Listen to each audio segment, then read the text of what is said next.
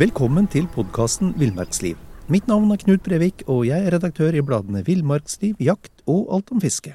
Og mitt navn er Halvard Lunde, og jeg er redaksjonssjef i bladet Villmarksliv. Ja, og i dag så skal vi snakke om, om hvordan ville dyr og, og, fugler overlever vinteren, eh, Halvard. Ja, og det har jo vært en eh, ekstremt kald vinter. Da. Men mm. Det har jo ligget på tosifra kuldegrader i, i, nesten mange uker. Ja. Nå er det jo inne i en liten mild, mildværsperiode igjen, men, eh, men, eh, men, eh, været har jo vært tøft for dyra, og, og, men hvor skal vi starte? Nei, vi, altså, vi kan jo starte med, med, holdt jeg på å si, selve grunnlaget her. Det er jo um, Dyra har ulike strategier for å overleve, overleve vinteren. Noen fuglearter, altså trekkfuglene våre, de drar jo sørover. Det er jo det er jo litt sånn trekk, Trekkfuglene er jo dyrelivets Granca-turister. For dem så er ikke kulda noe problem, men, men, turen kan jo være krevende, enten jeg er på vei til Nederland eller, eller Afrika. Men eh, jeg foreslår at vi konsentrerer oss om de dyra som blir igjen her nord, jeg, i hvert fall noen av dem. Og, og, og de, de er jo i litt varierende grad så er de tilpassa nordisk klima, men, men uansett så er det sånn at i vinterhalvåret så så går de aller fleste dyr og fugler på sparebluss. Eh, noen legger seg til å sove, eller sove vintersøvn, mens andre går i dvale. Det viktigste for dem er å overleve, og, for veldig mange dyr så avhenger det av hvor mye energi eller fett de har klart å legge opp i den, den grønne, varme tida. Nå får du bladet Villmarksliv rett hjem i postkassa i tre måneder for kun 99 kroner. Send SMS VILL36 til 2205 og motta bladet allerede neste uke. One size fits all seems like a good idea for clothes until you try them on. Same goes for healthcare. That's why United Healthcare offers flexible, budget friendly coverage for medical, vision, dental, and more. Learn more at uh1.com. Og I tillegg så har jo dyr og fugler utvikla en, en rekke metoder for å overleve overleve i kulda, så, så, her er det mye å, å ta fatt i, Halvard. Så, så dyra er det motsatte av oss, da? De jakter på vinterkroppen, mens vi jakter på sommerkroppen? Ja, det, det er riktig! Dyra jakter på vinterkroppen også. ja, ja. ja. Men eh, hvis vi kan begynne med, med Kanskje vi begynner med elg, hjort og, og rådyr, da? Jo, det kan vi gjøre. De, eh, altså både elg og hjort og rådyr, de går jo gjennom en fantastisk endring, egentlig. De går altså fra et overdådig matfat om sommeren, med, med grønne planter og vekster, og det, virkelig så hvor de kan fete seg opp, altså. Um, og så slår de om til kvist, uh, en langt magrere og, og, og skrinnere kost, og, og, for elgens del så skjer det gjerne litt utpå høsten når snøen legger seg. Da, da, da, går altså elgen over fra, fra sommerens matfat til, til kvist fra løvtrær, rogn, osp, selje, vier, bjørk, og furubar, og einer. Einer er også en sånn ynda beiteplante. Og, og, det er jo snømengden da, og, og, hva elgen har lettest tilgang til, som, som avgjør hva den, hva den, beiter på. Men, men, det er jo det med kvist og bar, at det inneholder lite næring, så, så, så elgen skrur jo ned stoffskiftet sitt til et minimum, for, for, rett og slett for å overleve. Og, og uansett så, så tærer jo elgen på sine egne kroppsreserver. Og under, under, virkelig tøffe vinterforhold så kan jo en voksen elg tape 20-25% av kroppsvekta si. Mm. Den bare bruker som tilleggs, tilleggsenergi. Altså. Det er mange kilo. Det er mange kilo. Så, så det du legger merke til, da, det er jo om, om vinteren så står jo elgen mye mer i ro. Altså mm. han, han har som sagt eh, han har går på sparebluss, beveger seg ikke mer enn han må, altså for å få i seg det han, han, han trenger for å, for å opprettholde, opprettholde um, livet. Og, og elgen er jo drøvtygger, har fire mager, så, så han spiser, og, og, så legger han seg, så gulper han opp igjen små porsjoner og fintygger maten da, for å få maksimalt ut av, ut av hvert tygg, holdt jeg på å si. Ja. For hele elgens fordøyelsessystem er jo lagd for å kunne bryte ned tungt fordøyelige fibre. Um, så det er jo Og med kulda, da, bare for å nevne det, det er jo ikke noe problem for elgen. Den, um, den tåler både 30 og 40 minus uten, uten, egentlig noe som helst problem. Varmen derimot, den, det kan være trøblete for elgen, men det, det er jo ikke, det er ikke temaet her. Men du, Apropos elgen, så det var en som enten skrev eller sa i en avis her for litt siden at eh, en av grunnene til at elgen eventuelt går i skiløypa mm. eller på veien, er jo for å spare energi. Ja, og det er jo helt riktig. Ja, det er lettere å gå der, rett og slett? da? Mye lettere å gå. Så, så det, det, når det er veldig mye snø om, om vinteren, eh, så, så, vil det jo, spesielt sånn i villaområder og sånn, mm. i randsonen av byene og da vil de oppleve at både elg og rådyr trekker, trekker ned mot, mot, mot, folk, og bruker veier og skiløper for å gå, for der bruker den mindre energi, og elgen, i likhet med alle andre dyr og fugler om vinteren, er ekstremt opptatt av å ikke bruke for mye energi, for mm. dette er hårfin, en sånn hårfin balanse. Mm. Men hvis vi skal over på, på hjorten, da, så vi vestlendinger, vi har jo eh, Altså, der er jo hjorten har jo samme plass som elgen på Østlandet. Ja. Og, og, det finnes det jo i overflod, i enkelte kommuner i hvert fall. Mm, mm. Men eh, hvordan takler, takler hjorten vinteren, da? Og, og, vinteren vestpå kan jo være ekstremt vari, variabelt, da. Fra du kan jo ha 15 varmegrader i januar til, til minus 15 grader. Så. Ja. Nei, altså I hovedsak så er det jo samme strategi som elgen har. Den, den, den um, går på sparebluss, um, og, og, den er også en drøvtygger, godt, som er godt tilpassa norsk vinter. Og, og, og, i likhet med, med, med elgen, så legger den jo opp eh, året sitt etter, etter vær, og, vær, vær og sesong. Så det, det hjorten gjør, som våren, da, så trekker den jo etter, etter, planteveksten, egentlig, oppover og innover i fjellet, og, sånn sett så beiter den hele tida på de mest næringsrike plantene, da, og, og de nyeste skudda, og, blir jo eh, feit og fin mm. i, løpet av, eh, i, løpet av, sommeren. Og høsten så kommer den andre veien.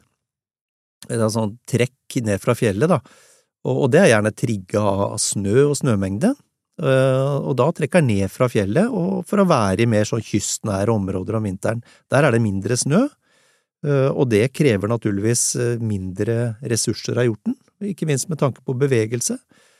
Og, og han også endrer, endrer jo da inntaket av føde til, og, og, og, beiter da mer på lyng, knopper og kvist, som utgjør en mye større del av fødemengden da, på, på vinterstid. Mm. Um, og så er det jo det med, det jo det med, med, med hjorten, at han eh, den kan jo ha store leveområder om sommeren, men det begrenser den veldig om vinteren. Da, det, og det resulterer i at du kan ha store ansamlinger av hjort egentlig på veldig begrensa områder mm. om vinteren. Og, og seinhøsten kan du jo på jorda se altså 50-talls, kanskje hundretalls ja. hjort samla på én plass, altså. Ja, ja. Så hvis en eh, ikke har sett det før, så, og er på Vestlandet, i hjortekommune seint på høsten, så ta en biltur i sånn i to-tre-tida på natta, altså det, eller tidlig på morgenen, så Da ser du mange blinkende øyne. Ja, det er helt, det er helt vilt, altså. Det er helt vilt. Og så har vi han som, eller den som er minst, det er jo, um, er jo um, rådyr, da. Av, av hjortevilta, så er jo det det minste dyret, da. Ja. Og, og rådyr er litt, er litt, en annen historie, for det, det, er jo ikke spesielt godt tilpassa mye snø og kulde, um, med de små, tynne klaua sine og forholdsvis tynn pels òg.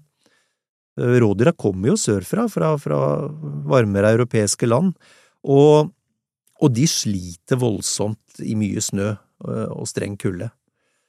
De, jeg tror hvis jeg ikke husker feil, så de første rapportene om rådyr de kom vel fra Aremark i Østfold så seint som i 1865. Mm. Og selv i begynnelsen på 1900-tallet så var jo rådyr kun å finne i, i, lavere områder, gjerne rundt Oslofjorden og Østfold, og de kom jo inn den veien i sin tid. Så, um, men i likhet med, med det gjort, da, så, så, går jo også rådyret på sparebluss, senker stoffskiftet sitt, um, spiser uh, dårligere og mer fiberrikt eh, fôr enn om sommeren.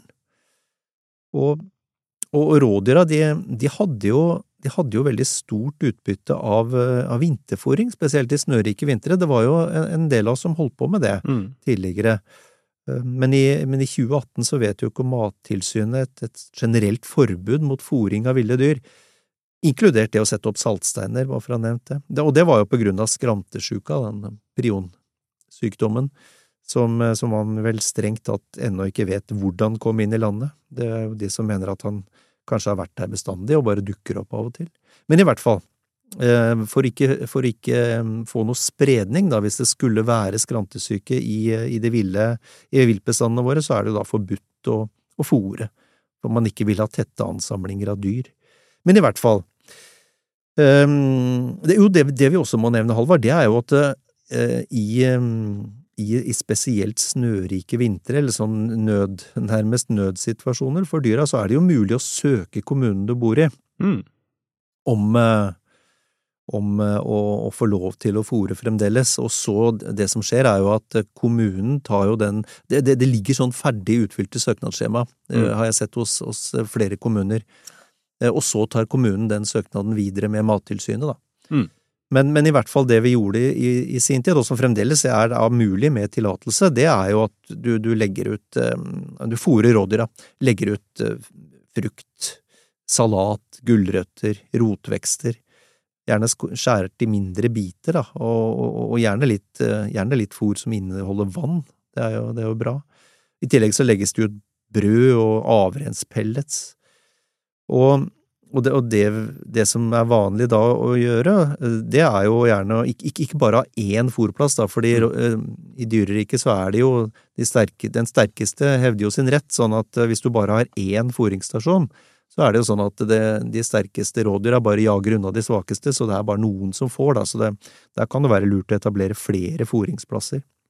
Og, og hvis du gjør det, så gjerne tenk på at du du legger det um, sånn til at det ikke um, gjerne, gjerne, med litt oversikt rundt, sånn at det ikke Du ender opp med å få en foringsplass for gaupe isteden. Ja, ja. uh, Men altså, Gaupa må jo ha det lett nå på vinteren, for da er det, jo, det er jo lett å fange et rådyr. Ja, ja, ja.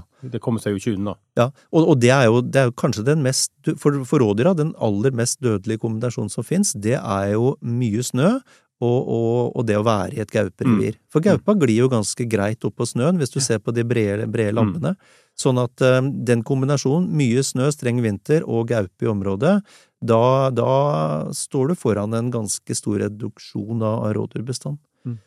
Uh, jo, en annen ting også, hvis man skulle få tillatelse til å etablere en fòrplass, det er jo gjerne å kjøre opp med en ATV eller traktor, eller kjøre noen, noen ulike stier, da, mm. eh, eller sløyfer eller leder eller løyper inn mot disse forings, eh, foringsplassene.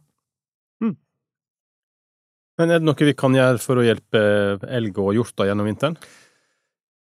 Eh, altså det, det, viktigste vi kan, eh, kan, gjøre, er egentlig la dem være i fred. Mm. Eh, holde, holde bikkjene i bånd. Hvis du ser elg eller hjort, så ikke, ikke nærm deg. Legg veien utenom. Altså, de er jo de, de, er jo tilpassa et, et, liv, et tøft liv i Norge vinterstid, og vil jo som en mm. hovedregel klare seg. Um, men det de ikke trenger, det er å måtte ta den derre løpeturen unna deg eller bikkja di mm. uh, i februar-mars, hvor, hvor reservene begynner å gå mot null, altså. Mm.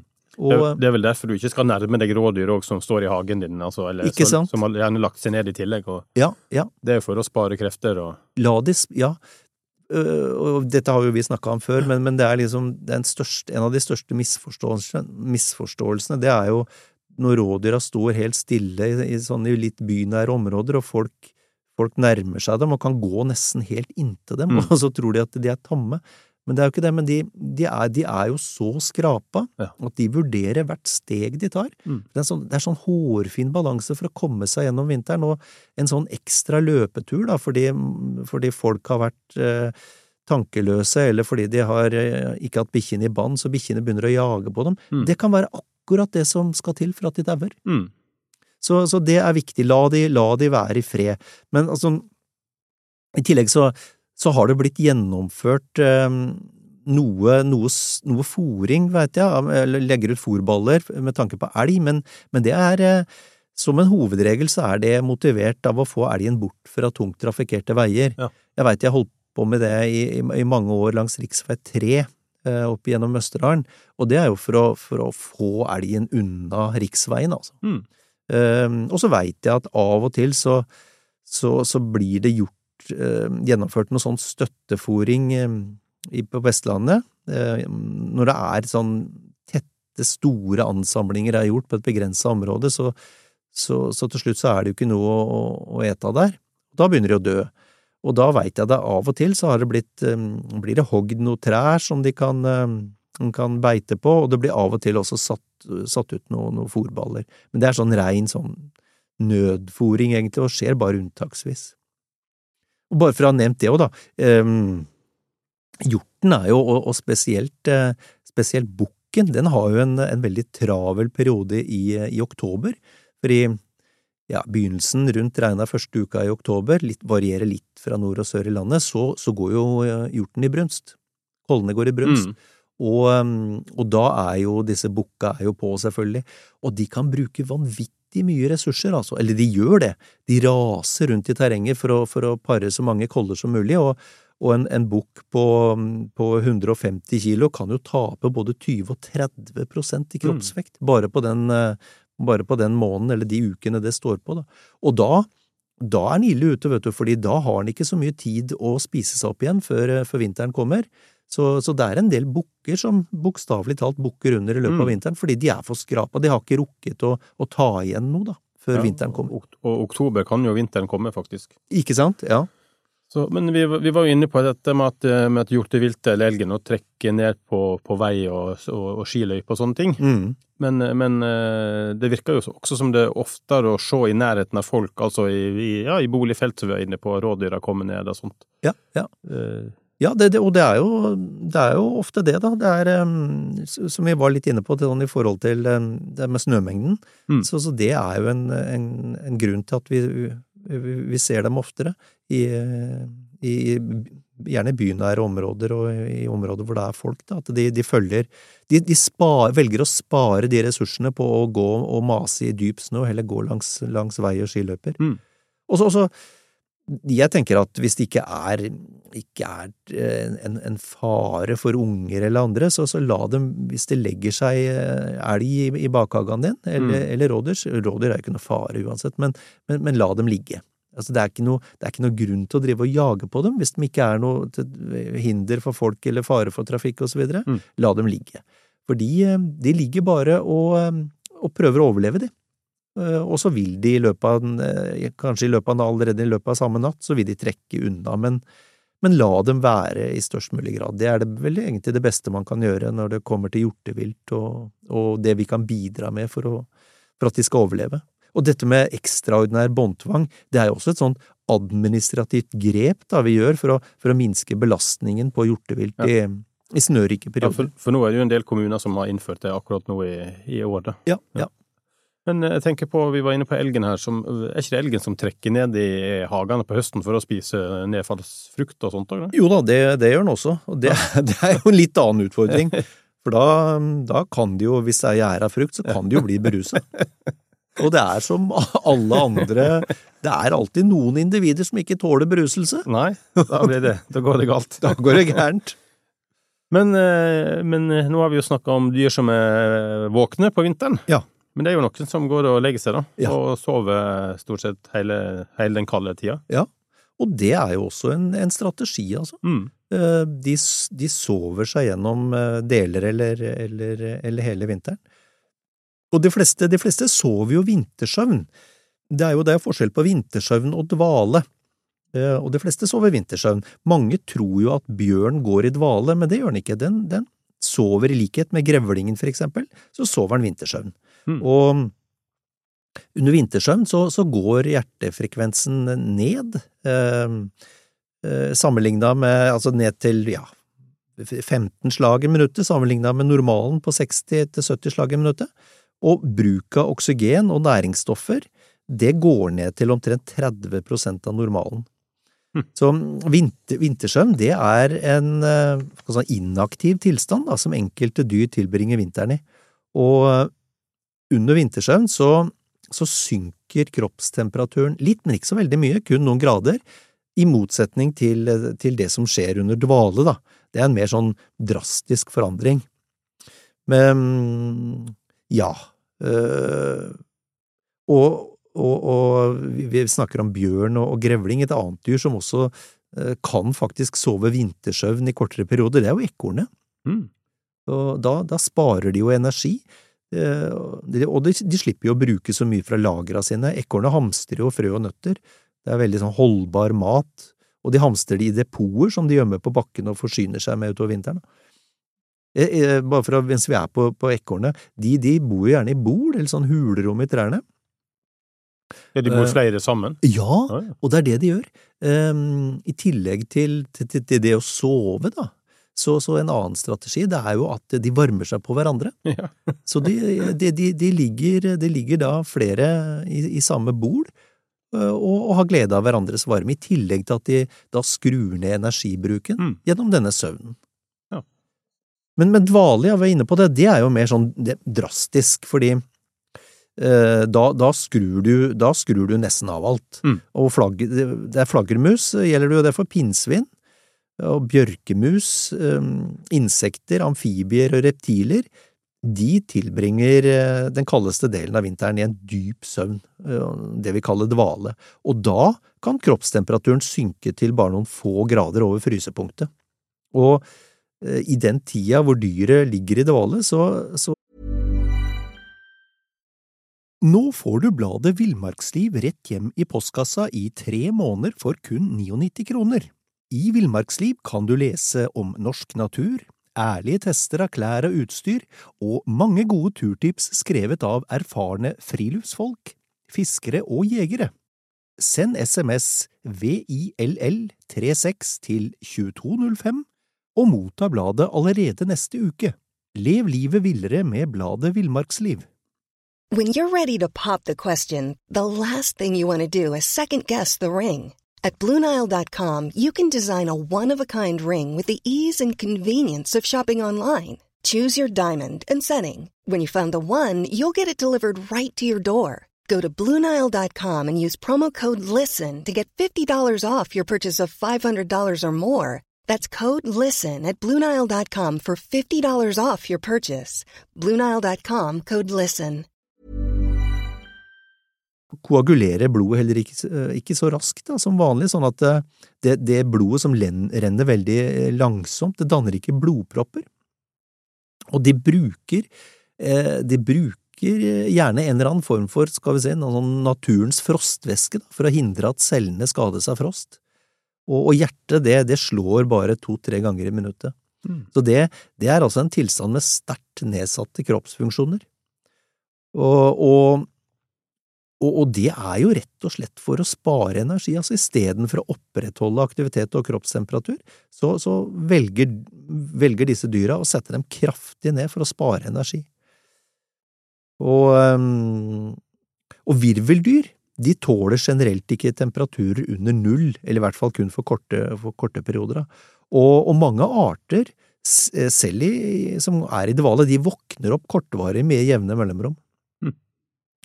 Et annet dyr som, som, som går i, i, dvale, det er jo hoggormen. Den er jo som andre, andre slanger og reptiler, så er den jo vekselvarm.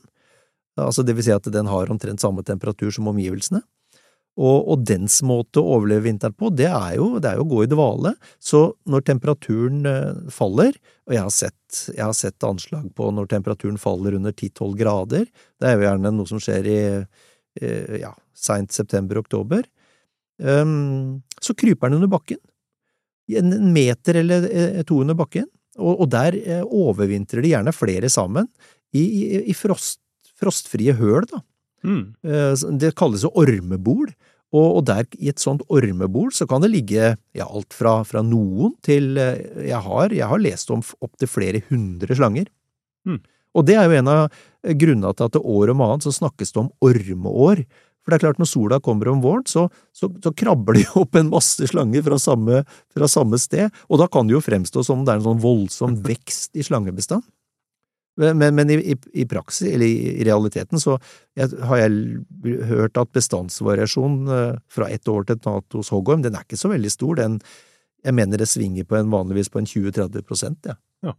Men du, alle disse dyra som på en måte går i dvale eller vintersøvn, vil ikke det være på en måte utsatt for uh, rovdyr, altså som forsyne seg av matfatet? Ja, vet du hva, det, det, spørsmålet har jeg også stilt en gang til en, en, en sånn or, ormeekspert. Ja. Eh, for, for, jeg, tenkte at når, når, de ligger der, selv om de er faretruende for, for smågnager og sånn ellers i året, ja. så er de jo helt vergeløse ja. når de ligger i et bol under bakken. Eh, men det mente vedkommende, og da husker jeg at men blir ikke spist opp av smågnagere der nede? Ja. men det mente vedkommende at nei, det hadde han aldri hørt om. Det mente han ikke var noe problem. Mm. Men vi må eh, snakke litt mer om eh, småfuglene, og de har jo fører jo en kamp mot kulda, da. Det gjør de definitivt, og uh, en, som, en som forska mye på det, og som også har skrevet en del, var um, tidligere professor i, i, zoologi ved NTNU, Olav Hogstad. Og altså, han skrev flere artikler òg, blant annet en i gemini.no, sånn forskningsnettsted. Um, om, om småfuglenes strabaser da, for å overleve vinteren, fordi de har det tøft. Og, mm. og det er virkelig en, en, kamp det fra dag til dag, hvor de må spises opp. Um, og, og det, dette, er jo, dette, er jo, små fugler, altså minste er fem–seks gram, opp i en ti–tolv gram, og noen av dem må spise seg opp så mye som 10% i kroppsvekt, og helt opp mot 20 i, i unntaksvis, i kroppsvekt hver dag for å overleve natta. Og det har jo, har jo, de fleste av oss opplevd. Etter beinkalde vinternetter så er det ikke så uvanlig å finne død småfugl under trærne, eller, mm. eller i um, fuglekassa, for, for, den saks skyld.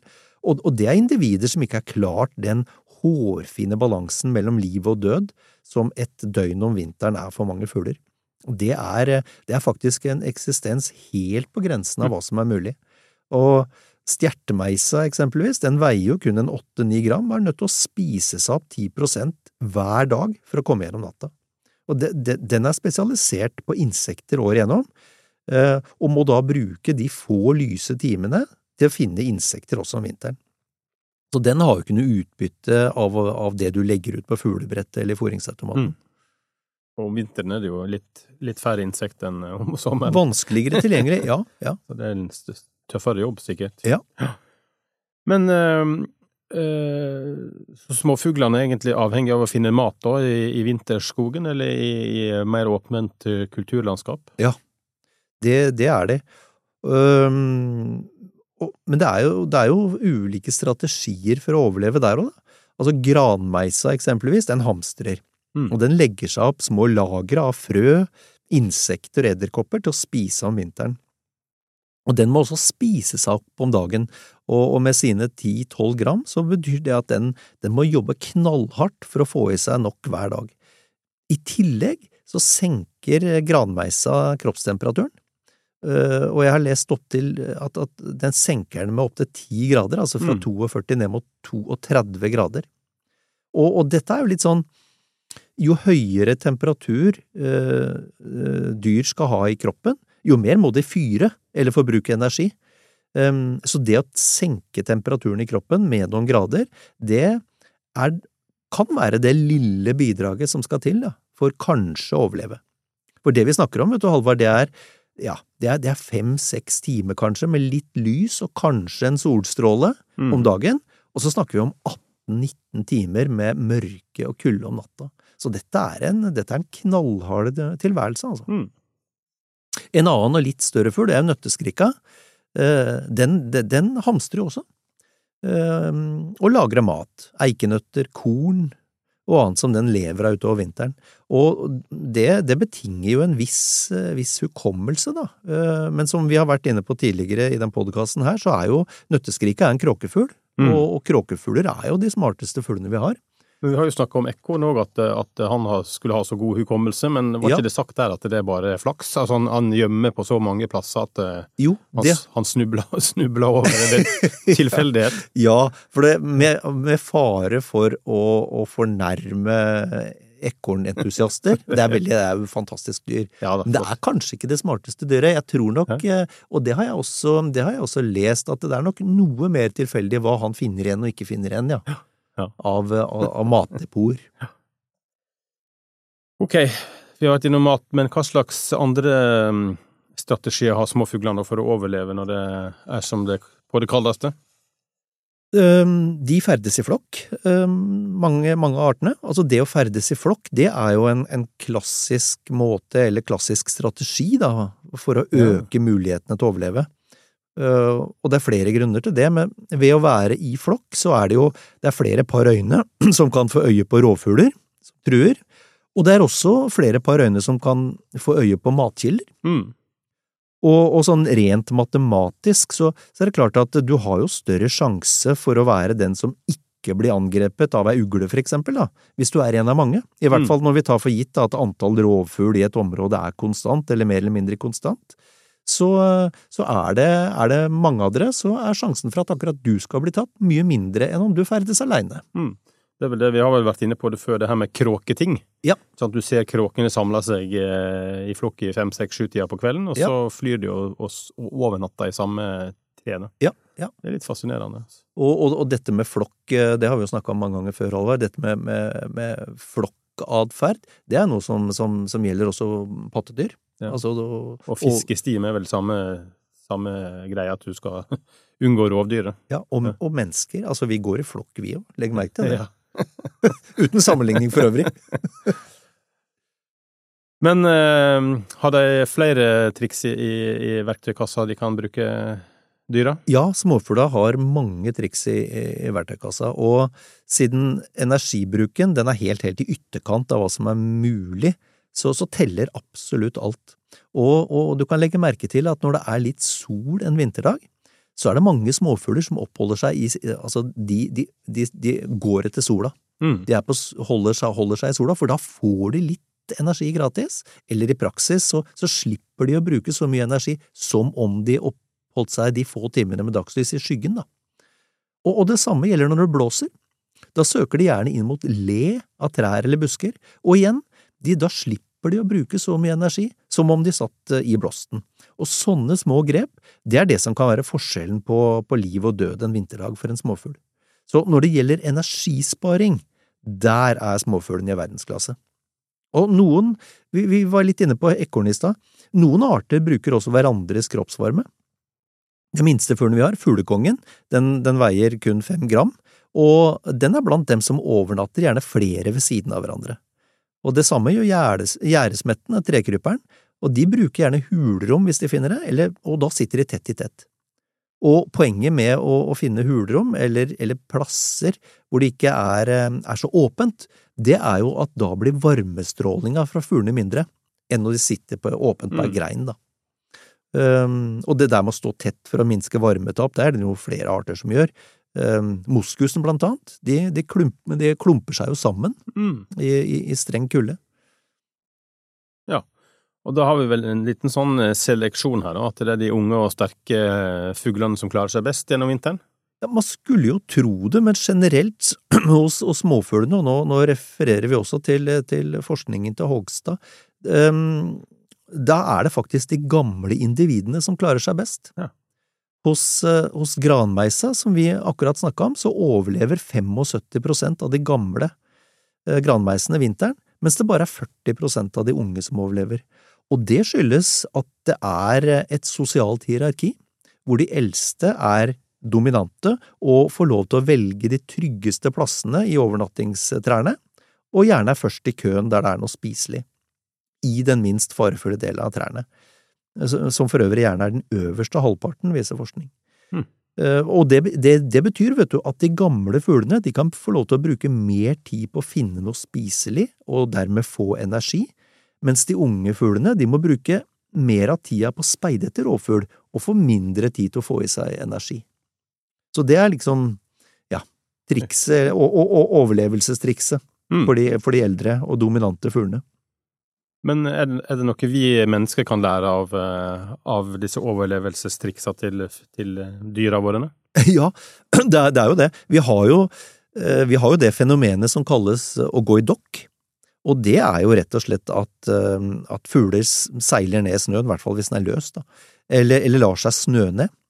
Um, og der har jo vi friluftsfolk noe å lære, fordi, og det, det har vi i og for seg lært også, fordi temperaturen den er under snø, den er stabil, mm. og den er gjerne lavere enn på overflaten, og, og, dessuten så isolerer jo snøen, så du er ikke utsatt for, for vind i den grad. Så, og det er jo ikke helt uten grunn, det, det gamle eh, fjellvettrådet det eksisterer, det er Grav deg ned i tide, at, mm. at, det ble etablert. Og dette, er, dette med å gå i dokk er jo noe som både orrfugl, storfugl og gjerpe og ryper gjør. Når det er kaldt eh, og snø om vinteren, da, da, koser de seg under snøen, kan ligge der i flere dager. Det ser du jo på, på, um, på møkka det etterlater seg, Mm. mens, eh, mens kulda og vind den suser på oversida. Og her, her i påsken for et par år siden, så, så drev jeg og baska meg fram i snøen, eh, da var jeg oppe i Nordland, på ski, og ante fred og ingen fare, og da letter altså en orrhane fra snøen mellom skia mine, og da var jeg sikker på at jeg skulle få hjerteinfarkt og ufrivillig vann, vannlating, men, Ja.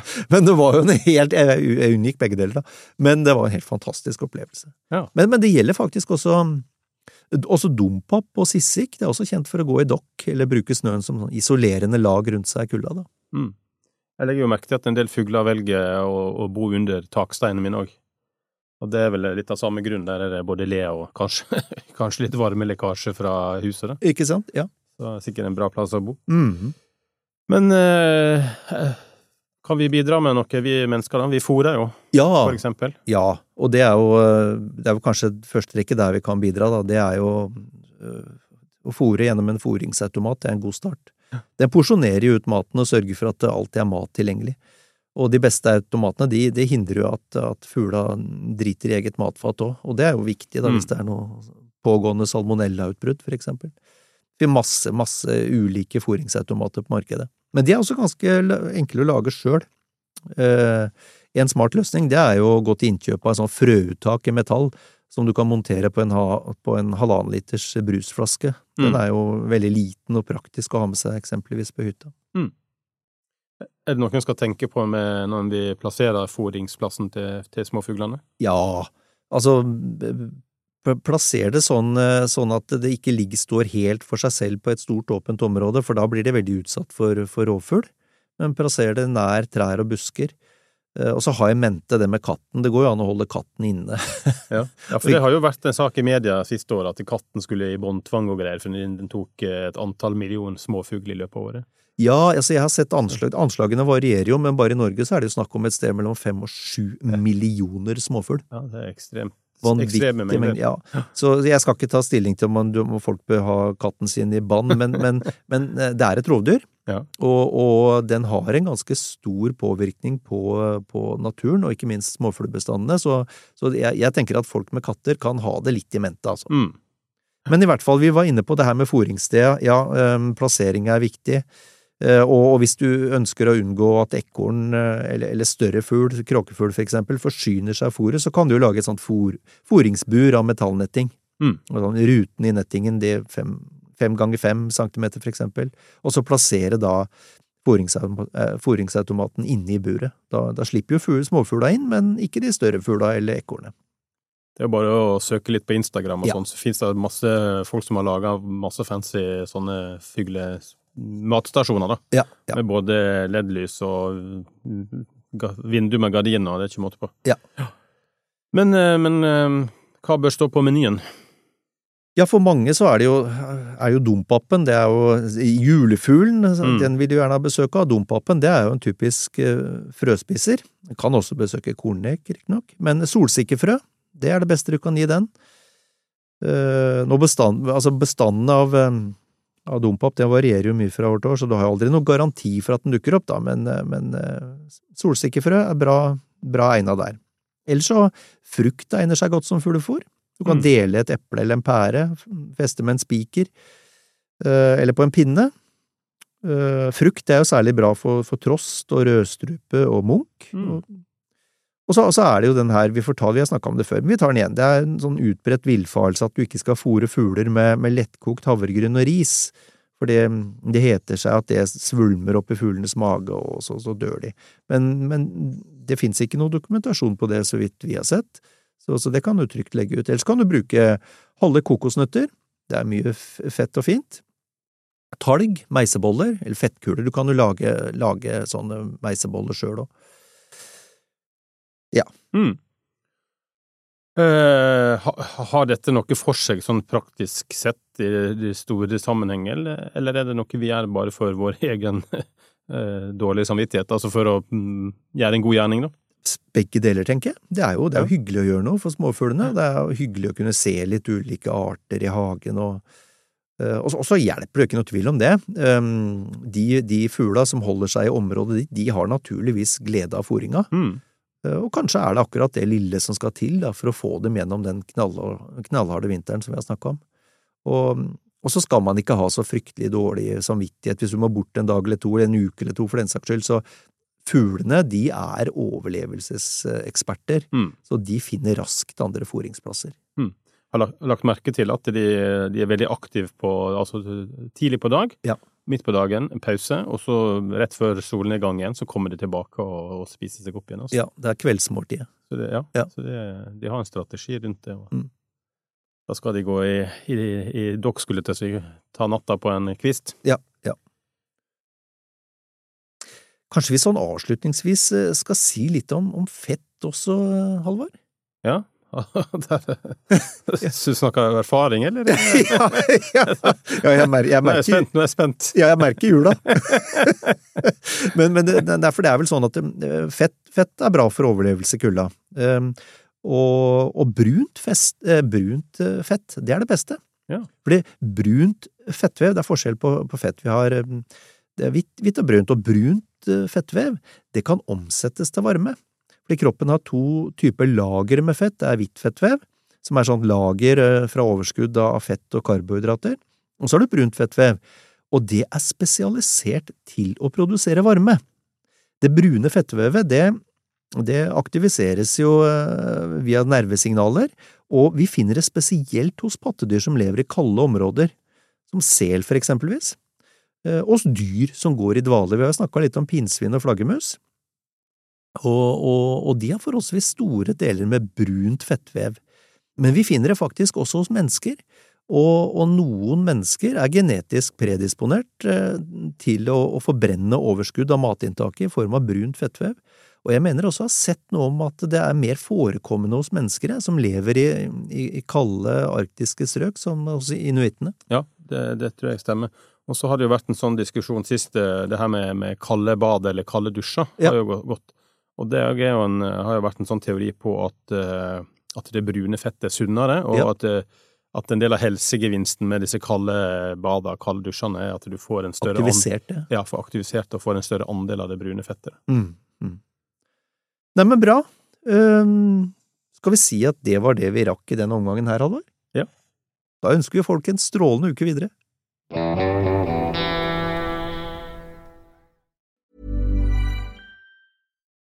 Nå får du bladet Villmarksliv rett hjem i postkassa i tre måneder for kun 99 kroner.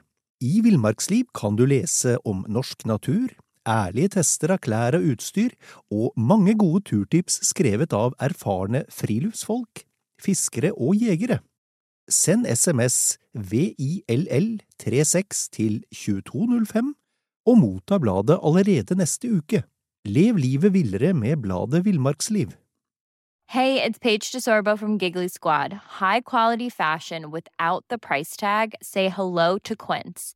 I'm snagging high-end essentials like cozy cashmere sweaters, sleek leather jackets, fine jewelry, and so much more. With Quince being 50 to 80% less than similar brands.